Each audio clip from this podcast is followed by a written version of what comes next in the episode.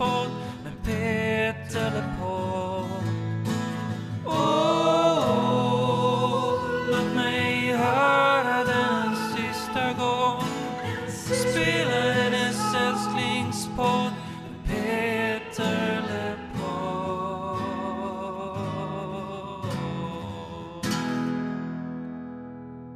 Välkommen hem! Jag heter eh, Tony Savela och på andra sidan rummet sitter Emil Gustafsson Ryderup. och vi håller alltså på med en podcast som heter Peter Le Podd. Den går igenom Peter LeMarcs album och karriär och vi var nästan framme vid slutet.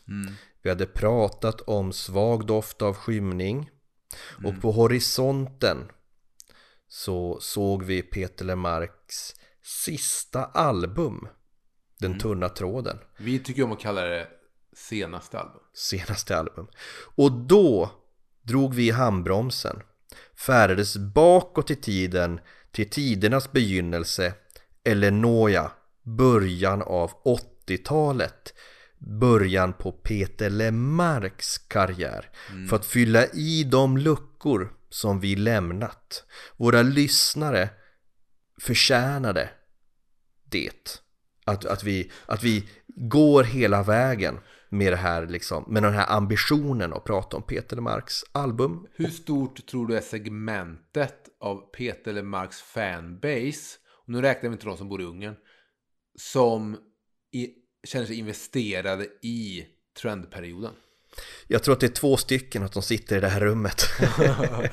Ja, det, finns, det finns ju han som, eh, vi pratade med Jessica, det var någon Einar kanske. Som Ja. alltid ber Peter eh, spela eh, Kom klappa min kanin. Mm. Så där har vi en till då, så är vi uppe i tre. Men jag har ändå, um, tror jag varit i kontakt med några genom sociala medier. Där vi heter uh, Peter LePodd på Instagram, Twitter och Facebook. Och, Ja, jag- eh, jag har eller på vår mail eh, peterlepoddet.gmail.com Så har jag ändå varit i kontakt med fans som liksom har liksom undrat, ska ni prata om de första skivorna? Och jag har faktiskt stött på en, en person som, eh, i, som är i Kiss-svängen, det bandet. Ehm, och han sa ändå till mig att han köpte ju de här trendskivorna när de släpptes. Och verkligen diggade Peter Mark då. Men sen så verkar intresset ha svalnat när Peter Mark väl fick sitt genombrott. Så det var så här, eh, han är ett fan av Peter Marks trendperiod. Och vad är trend, Emil?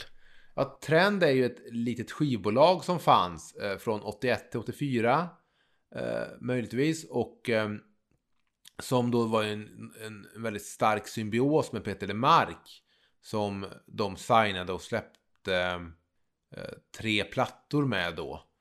Eh, så det var ett litet skivbolag som såklart levde väldigt mycket med förhoppningen om att Peter LeMarc skulle breaka för de blev väldigt stor energi då på just Peter. Och vilka ska vi prata med i dagens avsnitt?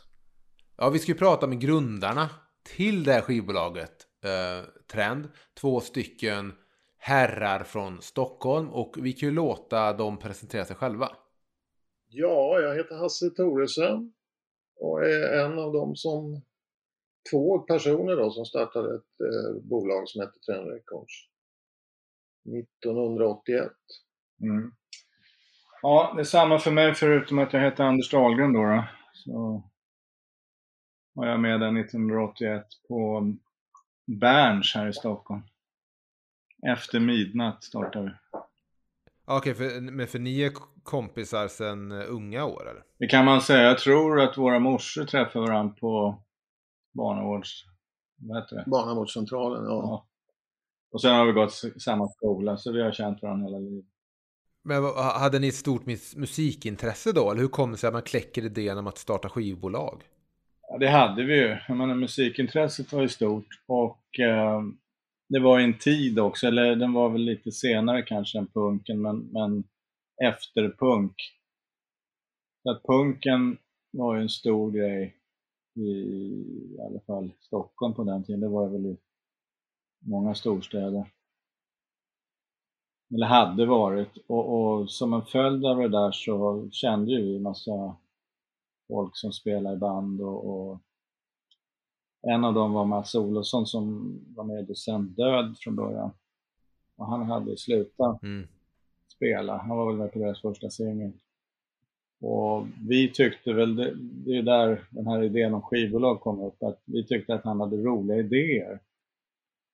Och som jag sa, jag vet ju inte om det var efter midnatt, men de hade öppet till tre så jag kan gissa att idéer blev bättre efter midnatt.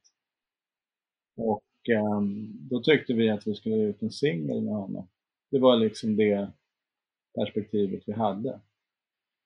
Som en liten eh, bisats i det här kan man ju notera då att Mats Olofsson skrev texten till Docent Döds eh, jättehit som numera är en svensk klassiker tror jag. Solglasögon. Och den har man ju nynnat på några gånger.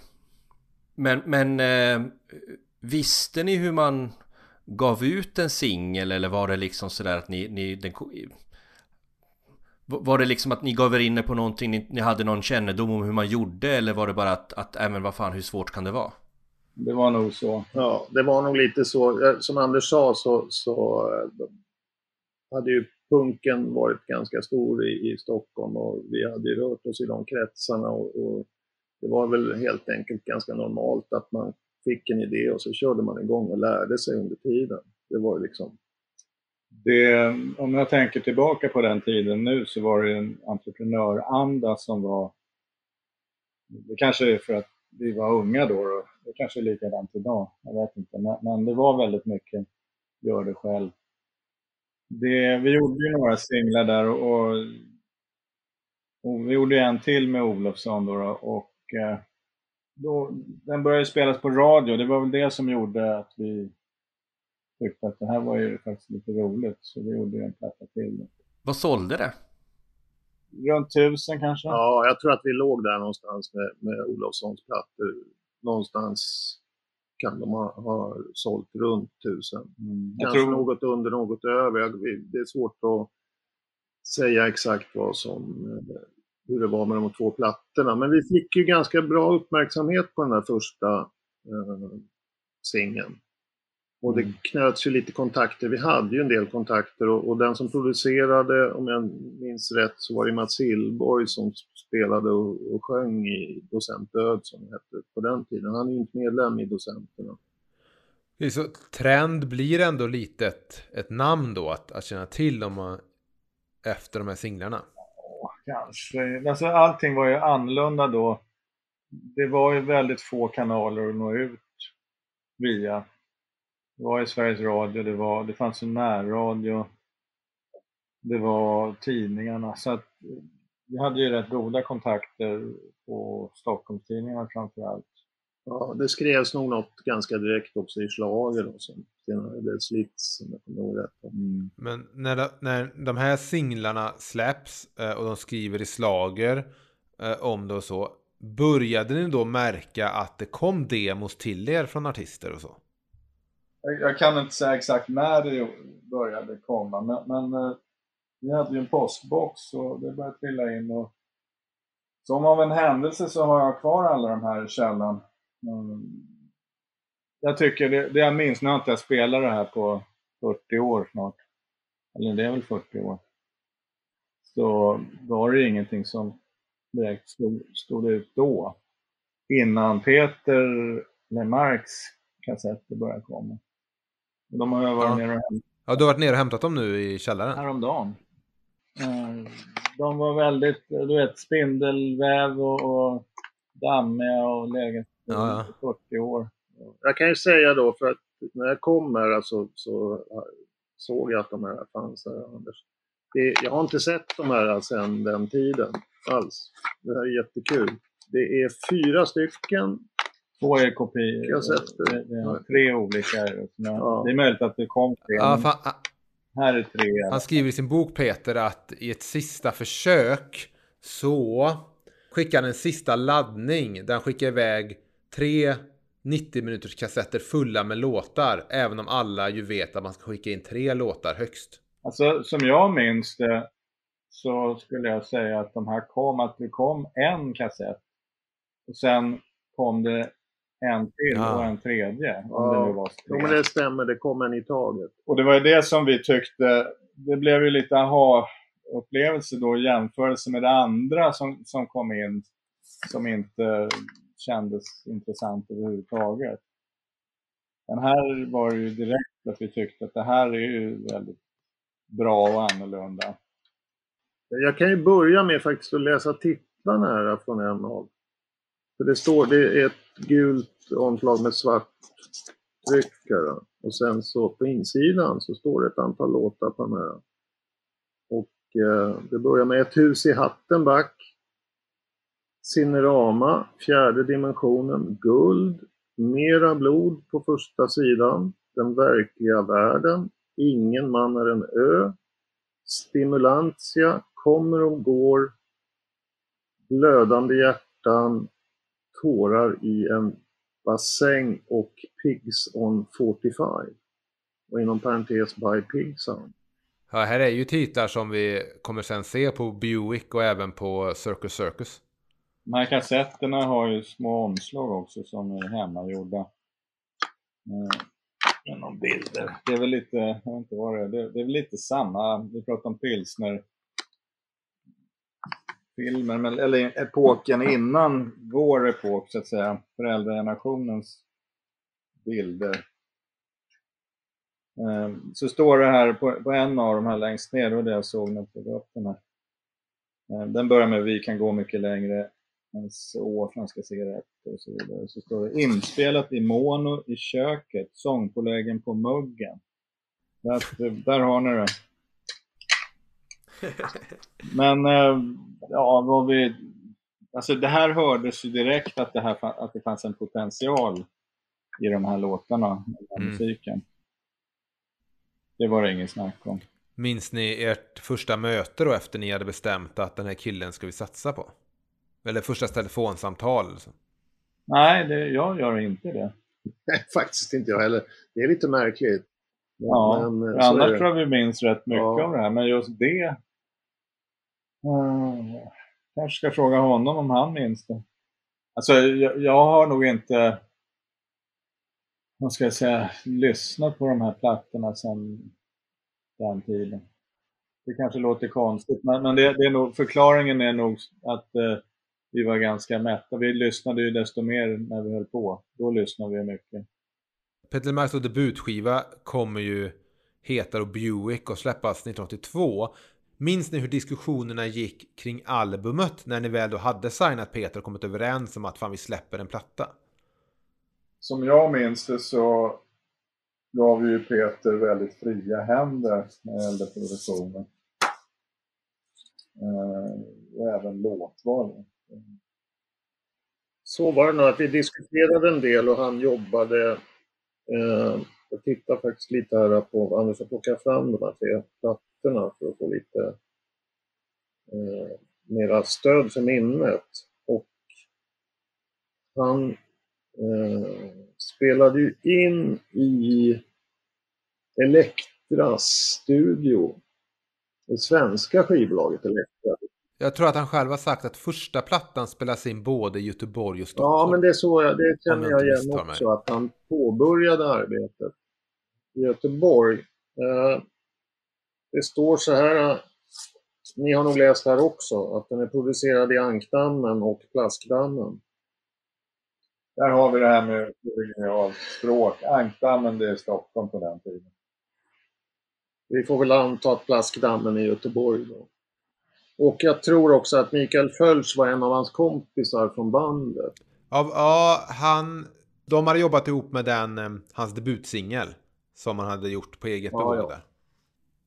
Hur kände ni när då eh, den första, eh, det första fullängdsalbumet på ert bolag producerades då? Hur, det måste ju varit en jäkligt skön känsla. Ja, det var det väl. Och nu har vi ju en annan syn på det så, här många år efter då, hur man kanske skulle ha gjort. Men hela det här projektet var ju, vad säger man, trial and error. Vi fick lära oss Mm. efter. Och mm, det var väl det vi gjorde. va. Men Ja. visst var det kul att ge ut en LP. Det var det ju, och jag, som jag minns det så var det ju så att vi tyckte att det ändå gick ganska bra. Va? I förhållande till att det var en första platta. Vi fick väldigt bra respons. Alltså, ja, de var ju väldigt förtjusta i Peter Lemark här i, i Stockholmstidningarna.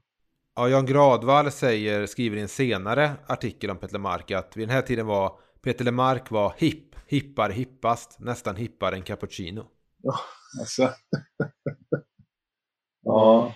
Jo, men jag tror att, att journalisterna var väldigt, eh, de, här, de var ju eld och lågor nästan skulle jag säga. Det, det är ju fortfarande en gåta att det inte sålde bättre än vad det gjorde. För det, det sålde inte bra, det kan man inte säga. Det sålde väl tillräckligt för att motivera att fortsätta.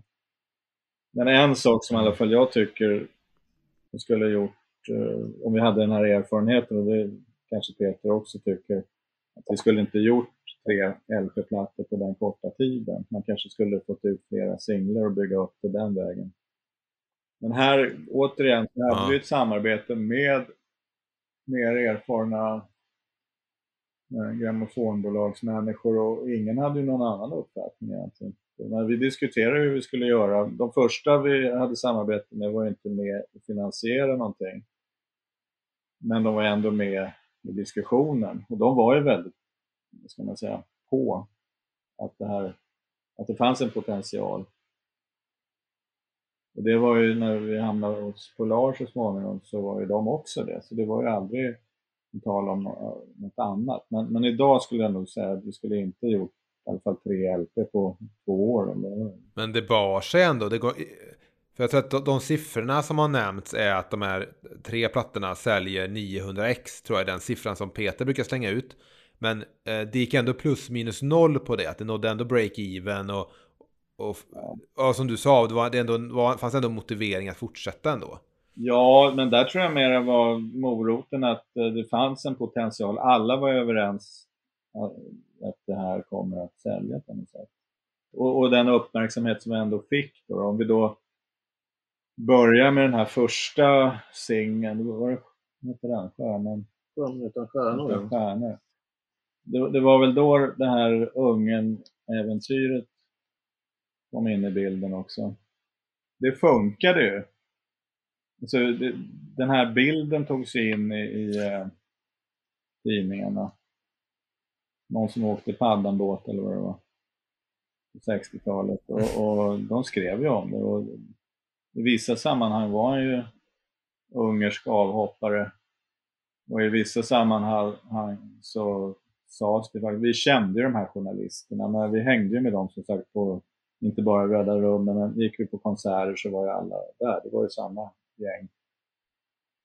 En av eh, de större tongivande musikjournalisterna på den tiden sa till mig att jag vet att ni ljuger, men jag tycker det är så roligt att jag skriver om det ändå.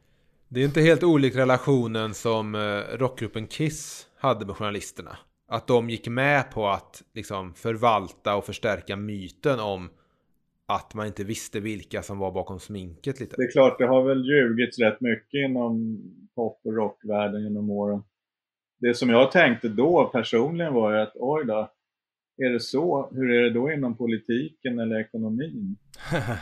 Alltså, är det samma attityd? Jag vet att det ljuger, men jag tycker det är roligt. Det, det har ju senare, har väl, jag tror Peter själv sagt att eh, vissa journalister sen blev sura på honom när det kom fram att han inte alls var ungrare. Men det kanske det var så att det var rätt många som förstod att, att det inte var Jag, så. jag minns inte att någon var sur. Det, jag har ju faktiskt eh, klippen, Peter har säkert det på ett mer organiserat sätt. Jag hittar faktiskt en... en ibland är det bra att inte slänga grejer, ibland är det inte bra. Men, men eh, det finns ju allting sparat. Och, och klippen, det var ju rätt mycket. Och det är klart den där bilden som jag tror var en paddanbåt, den var tagen uppifrån någon bro eller någonting och så är det någon som sitter där i mörka glasögon som påstås vara Peter Lemark, men den bilden är ju tagen på 60-talet skulle jag gissa hur folk ser ut. Sen om de blev sura, men de var ju med på nog. Jag menar, så, det, det var väl ganska genomskinligt ändå. Men minns ni hur de här samtalen gick? Alltså när ni kom fram till det här att vi ska, vi ska sätta dig i Ungern istället. Vi ska, vi ska skapa den här falska identiteten och historien. Har ni minnen av hur ni satt och bollade det? Hur, hur, vem kläckte den idén? Det var Peters idé. Och han hade nog byggt upp det, nu kommer jag inte ihåg namnen på rak arm, men, men det fanns ju managers och, och, jag vet inte hur många som var påhittade eller om någon av dem var, hade ett ungerskt namn. Det var, det var lite sådär, så att det, det var inte bara Peter det handlade om. Utan de som hade hjälpt honom då, i alla fall i myten, att fly. Ja, för det går till och med på um, den här, det här lilla bladet som följer med då. Uh, skivan så ser man ju att det ligger en cigarett på en bild i ett askfat som det står Budapesti på. Ja. ja. Så det, det, det följer med. Men en fråga om eh, paketeringen av, eh, av skivan. För det är väl du Anders som har gjort den här illustrationen av de här blåsinstrumenten? Ja, det stämmer. Eh, hur gick diskussionen där då? Ja, jag vet inte om vi hade någon diskussion. Det där är nog jag som har helt enkelt namnet Buick är Peters. Och idag, eller egentligen har jag funderat i, i, alla år vad det här har med att göra med den här musiken, för det har ju ingenting med, med bilen, bilmärket att göra, eller tvärtom. Mm. Det låter bra, jag tror Peter sa det, han tyckte det lät bra, och det gör det ju. Men eh, designen här, det är ju, om vi nu får vara lite tillspetsade, säga att Peter var ju rätt duktig på att sno musik.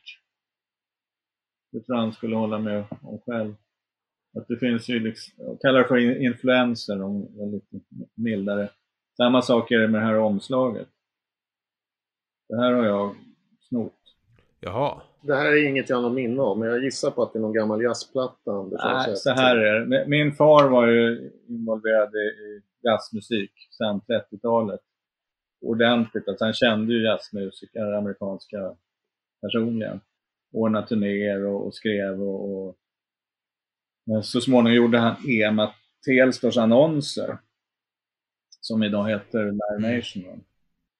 Och en av hans jazzböcker hade de här eh, blåsinstrumenten på omslaget. Fast det såg ju lite annorlunda ut. Så jag tog idén därifrån och eh, reprokamera. Men när då de här kommersiella framgångarna eh, inte riktigt kommer med den här plattan, även om ni har journalisterna med er och bra recensioner och och så. Eh, ha, hur gick samtalen efter plattan då med, mellan er och Peter och, och så som leder in då i nästa skiva som kommer året efter? Alltså, som jag minns det så var nog alla övertygade om att får vi ut eh, en LP eller två LP så kommer det att lossna och det gjorde det ju för många också. Det var väl två, så dels att få ut LP, mm. det var väl ingen garanti men jag antar att vi kommer att komma in på måndagsbörsen så småningom var, jag hoppas det. Ja, det var ytterligare en väg att stå igenom. Och där gick det inte att misslyckas. Det är väl så här också att, att det fanns ju ingen ekonomi i singlarna i sig. De var ju bara ett sätt att sälja in artisterna. Alltså, nu skulle mm. de få sälja mm, riktigt rejält med singlar om det skulle bli några pengar av det. Och, och singlar sålde inte så alltså stora upplagor. Utan vi var ju ett, ett, land där man köpte, vi, alltså vi var ju väldigt stora skivkonsumenter här i Sverige jämfört med omvärlden sedan 70-talet skulle jag gissa på. Och folk köpte LP-skivor och sålde man bra med LP-skivor, då var det pengar också. Så att målen ändrades ju. Från början skulle vi ju bara ge ut en, en singel med en kompis.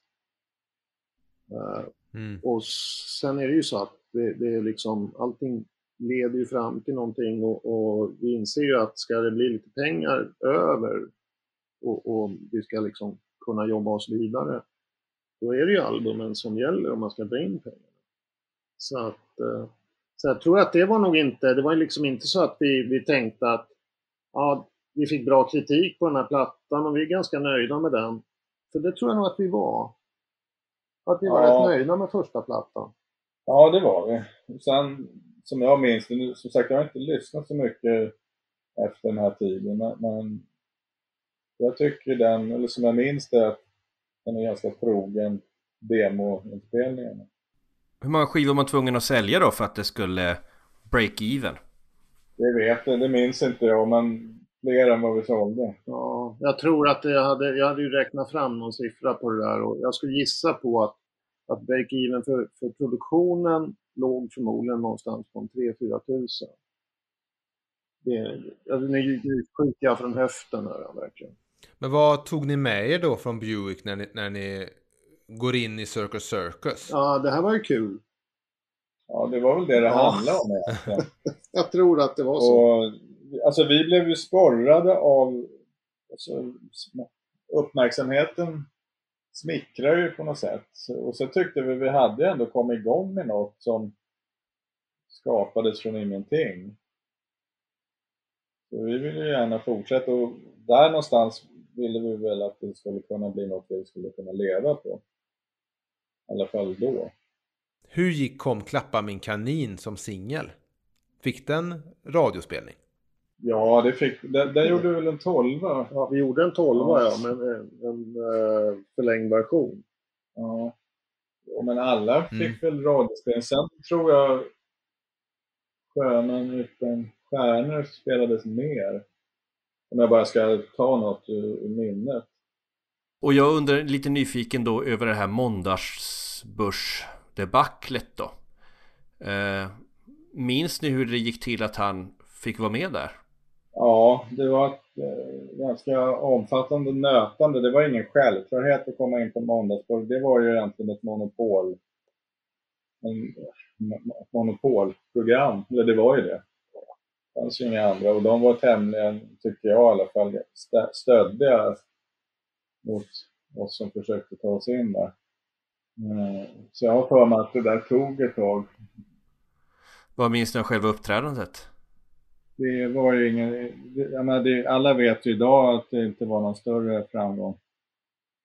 Det var en katastrof egentligen. Och jag tror Peter själv insåg det ganska tidigt. Jag vet inte, han, han, han hade ju bett om att få extra mycket makeup. Det blev ju inte riktigt bra. Jag kommer ihåg att han sa att han såg ut som en tvättbjörn. Nej men det, det blev ju inte rätt. Och, och att köra, var det Flashdance han började med? Ja, introt. Det är ju ganska kort egentligen, så det tycker jag inte i sig stör någonting att titta på det efterhand. Men, det var väl det där hur han såg ut som var problemet. Eh, för jag såg precis dokumentären om Noise på SVT Play.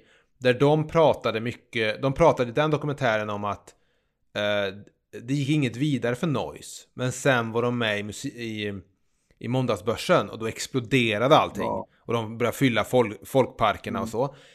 Eh, Peter Lemarks historia är ju istället att han är den enda artisten som varit med i måndagsbörsen där försäljningen efteråt har gått neråt. Ja, i alla fall gick den ju inte framåt och det stämmer ju. Menar, det var nästan garanterat att var man i måndagsbörsen, då hade man en, en hit eller en bra försäljning av ett album. Jag tror att, att minimiförväntningarna på en artist som var med där och hade ett nytt album ute, i- en svensk artist, det var att sälja cirka 20 000 av ett album i alla fall. Upplevde ni någon backlash efteråt? För att Peter har också sagt att den artistansvariga på Polar efter måndagsbörsen-inslaget sa till honom att du är död i den här branschen. Det... har jag nej, nej. Han sa en sak, att han hade börjat titta på programmet eller uppträdandet och gått ut och duschat innan det var klart. Så att eh, det minns jag. Ja. Att de, nej, det, det har inte jag hört. Det kan jag inte säga. Men efter då att Circus Circus inte heller lyckas breaka Peter. Hur kände ni inför den tredje plattan då efter tusen timmar? Som vi sa, så där började det kosta rätt mycket pengar och det hade kostat en del pengar på vägen att komma dit. Och, så vi var väl överens med alla inblandade att händer ingenting här, det måste Mm. hända något med den plattan. Men eh, ja, vi var överens om att den, den här plattan ska sälja, annars får vi lägga ner.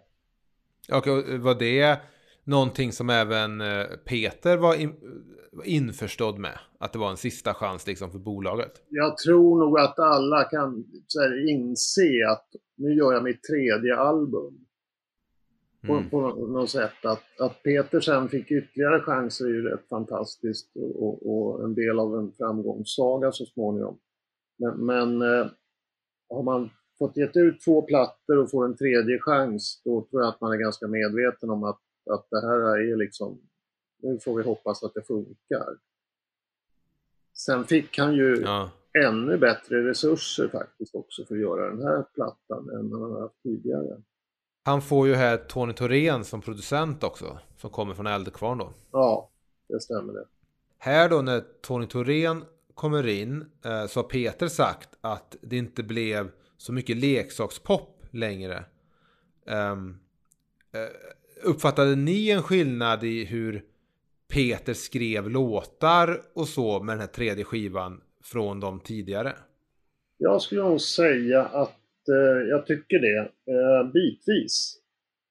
Och, och det här kanske kommer in lite av det som, som är problemet med, med den här plattan som är ganska välproducerad i, i, i stycken och så. Att, att det, jag tyckte redan då faktiskt att det var lite ojämnt. Men det här var det vi hade och det var det som skulle ges ut. Så var det. Peter hade ju liksom vi hade gett honom och Tony väldigt stora friheter. Så att, eh, men eh, jag lyssnade på några låtar här från den här samlingsplattan som gjordes. Den fanns ju, upptäckte jag, på, på min musiktjänst. Eh, och några av plattorna är väldigt Mm. Avvägda tycker jag ändå. Och det spelas bra, det sjungs bra. Men sen vissa låtar så är lite stressade och kanske inte riktigt ligger i linje med det som kommer efter. Men en del av det här materialet gör ju det. Tycker jag i alla fall. Alltså, så Mm. ger en, en eh, ganska bra vink om vad som kommer att komma. Så. För vår del så kan vi väl säga att vi har ju varit rätt, jag ska inte säga att vi är glada att den fjärde plattan inte sålde, men för vår del så var det skönt att det inte var bara att byta till ett annat bolag och så skulle börja sälja. För jag tror det var den femte som det började hända någonting på. Eh, Sista frågan om den här skivan då. Hur, ehm, hur kommer det sig att den släpptes på blå vinyl? Ja, det det var en möjlighet som fanns. Och, och jag tror vi jobbade ju då en del med omslagen och eh, jag var inte med på, på fotograferingen av omslaget men jag tror att det kan ha varit så att jag pratade med det presseri som vi använde. Det fanns ju två stycken skivpresserier i, i eh, Stockholm som, jag, som vi använde i alla fall på den tiden. Och när jag pratade med det här presseriet som skulle göra den här plattan så tror jag nog att det var så att vi diskuterade lite färgad vinyl och så här och då visade det sig att de hade möjlighet att göra något som skulle, ska se på den här skivan som jag har i handen här, vilken färg den var. Om jag får ut den. Det är statisk elektricitet. Den här är nog inte spelad någon gång. Den här är svart som jag har här. Men att den där färgade vinylen gick ganska bra ihop med omslagsbilden. Och det kostade Mm. nog inte så mycket mer heller. Och då tänkte vi att nu har vi chansen här. Den här äh, hoppades vi ju på skulle sälja rätt bra. Och då var det ganska kul om, om det kunde finnas en, en begränsad så att säga, första pressning i en annan färg. Det var ju inget ovanligt på den här tiden. Bildskivorna haglade väl som spön i backen under en period. Där. Sen var det ju så att den sålde ju slut, den upplagan. Och då skulle vi pressa nytt. Och den var, vad jag kommer ihåg, faktiskt mindre än, än den första pressningen. Så de svarta är alltså ovanligare än de blåa. För det kom ingen tredje pressning. När den här skivan sen också eh, inte går tillräckligt bra. Hur avslutades relationen mellan er och Peter? Ungefär som, den, som när vi träffade honom först. Jag har inga minne av det faktiskt. Jag har väl lite mera minne av den här händelsen i så fall. Då, för att som jag kommer ihåg det så hade jag diskussion med eh, Berka Bergqvist som var den som, som eh, körde företaget då, alltså Polar Records. Eh, och vi konstaterade att det här uppträdandet var väl kanske inte så lyckat på måndagsbörsen och det hände ingenting med försäljningen. Det insåg vi ganska snart. Eh, och då var det ju så att vi hade plöjt ner faktiskt ganska, det var ganska mycket pengar nerplöjda i den här sista plattan. Och när det inte hjälpte så diskuterade vi lite och kom fram till att det var svårt att, att bygga en fortsättning på det här som det såg ut ekonomiskt. Så att jag tror att det var nog helt enkelt där det var. Det var väl ingen som...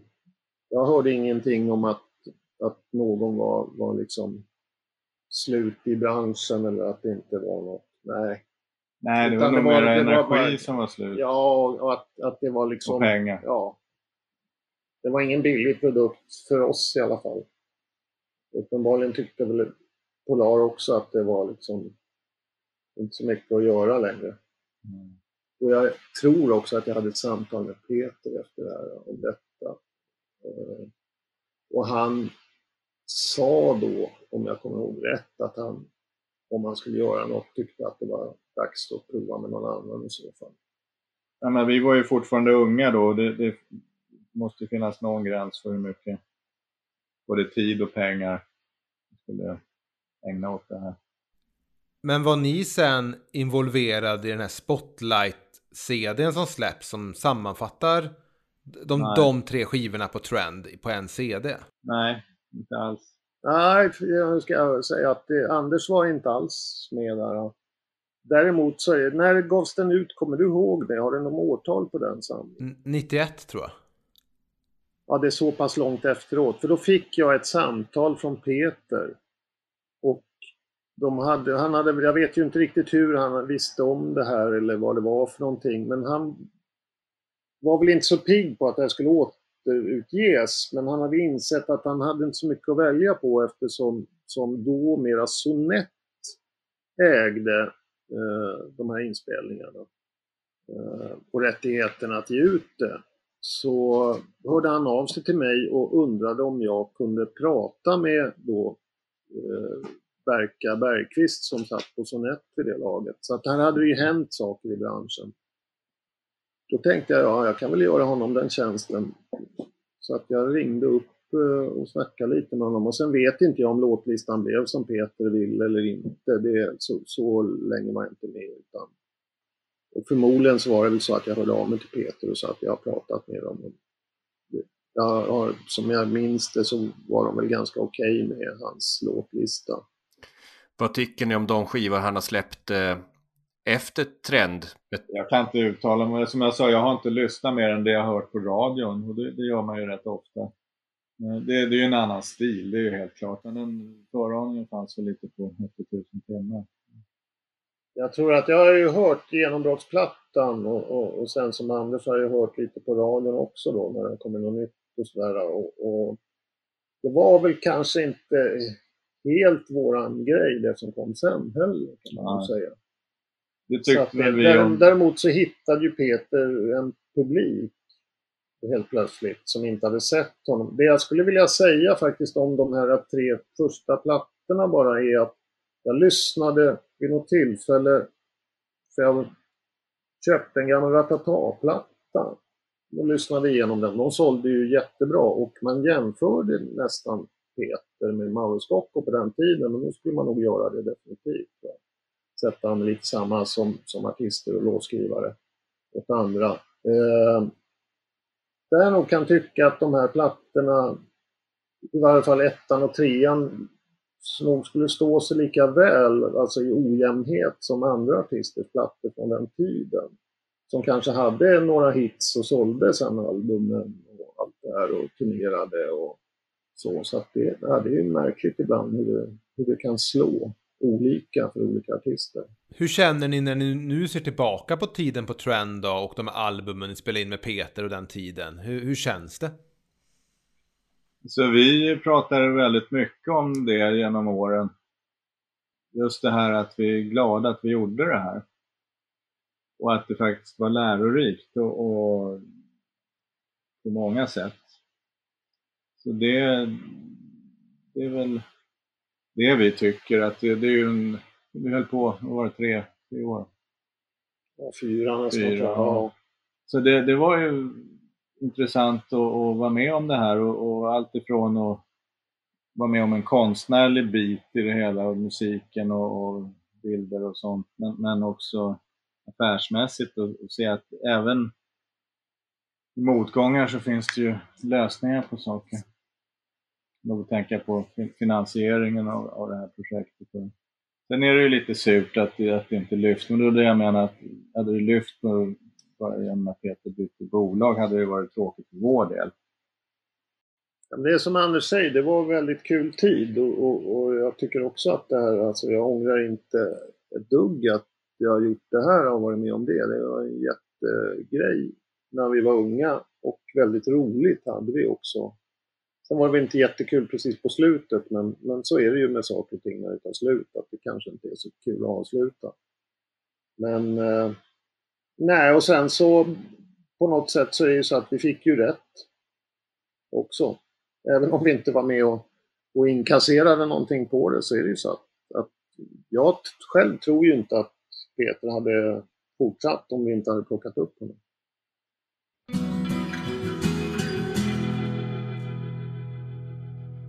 Där eh, tackar vi Hasse och Anders för den här eh, pratstunden. Eh, jag tycker det är kul för vi pratar om Buick och nu har vi haft intervjun så nu har vi ju med oss någonting inför de två trendskivor som följer. Vi har fått lite bakgrund inför det så vi har med oss någonting nu i ryggsäcken då. Vi famlar inte i blindo när vi kommer då till nästa platta som är Circus Circus. Eller man, jag tror man även får säga Cirkus Cirkus. Jag, jag kommer bara säga cirkus, cirkus. Okej, ska jag också bli en kille som bara säger Cirkus Cirkus? Ja, det, är du redo att ta steget? Nej, det var ju att Peter i, i eh, Thomas Andersson Vis podd ju sa att så här, alltså alla säger Cirkus Cirkus, men den heter ju egentligen Circus Circus efter kasinot som eh, Frank Sinatra sjöng på i Las Vegas. Jag längtar efter att höra din Peter Lemark-imitation. Det känns som att det var något avsnitt sen vi fick, vi fick höra den. Ska vi göra som så Emil att, att vi sätter punkt här och sen så kommer vi tillbaka nästa vecka med Circus Circus. Mm, nästa vecka blir det alltså Cirkus Cirkus. Och det här är en podd som heter Peter Podd. Den enda, tror jag, svenska Peter Lemark-podden. Förutom podden och spelar när filmen är slut, Säg det och den norska podden Ja, Blå taxibil. Blå taxibil, Blå... Ja, Blå taxipodd. ja, smalt skämt.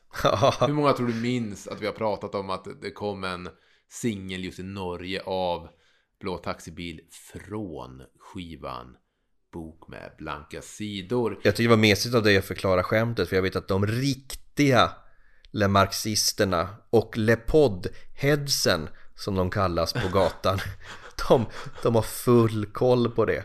Ja, då har de väl också full koll på att vårt intro och outro är gjort av kära Kristoffer Hedberg som till vardags sjunger i rockgruppen Easy October. Då, då laddar jag för de, för de bevingade orden.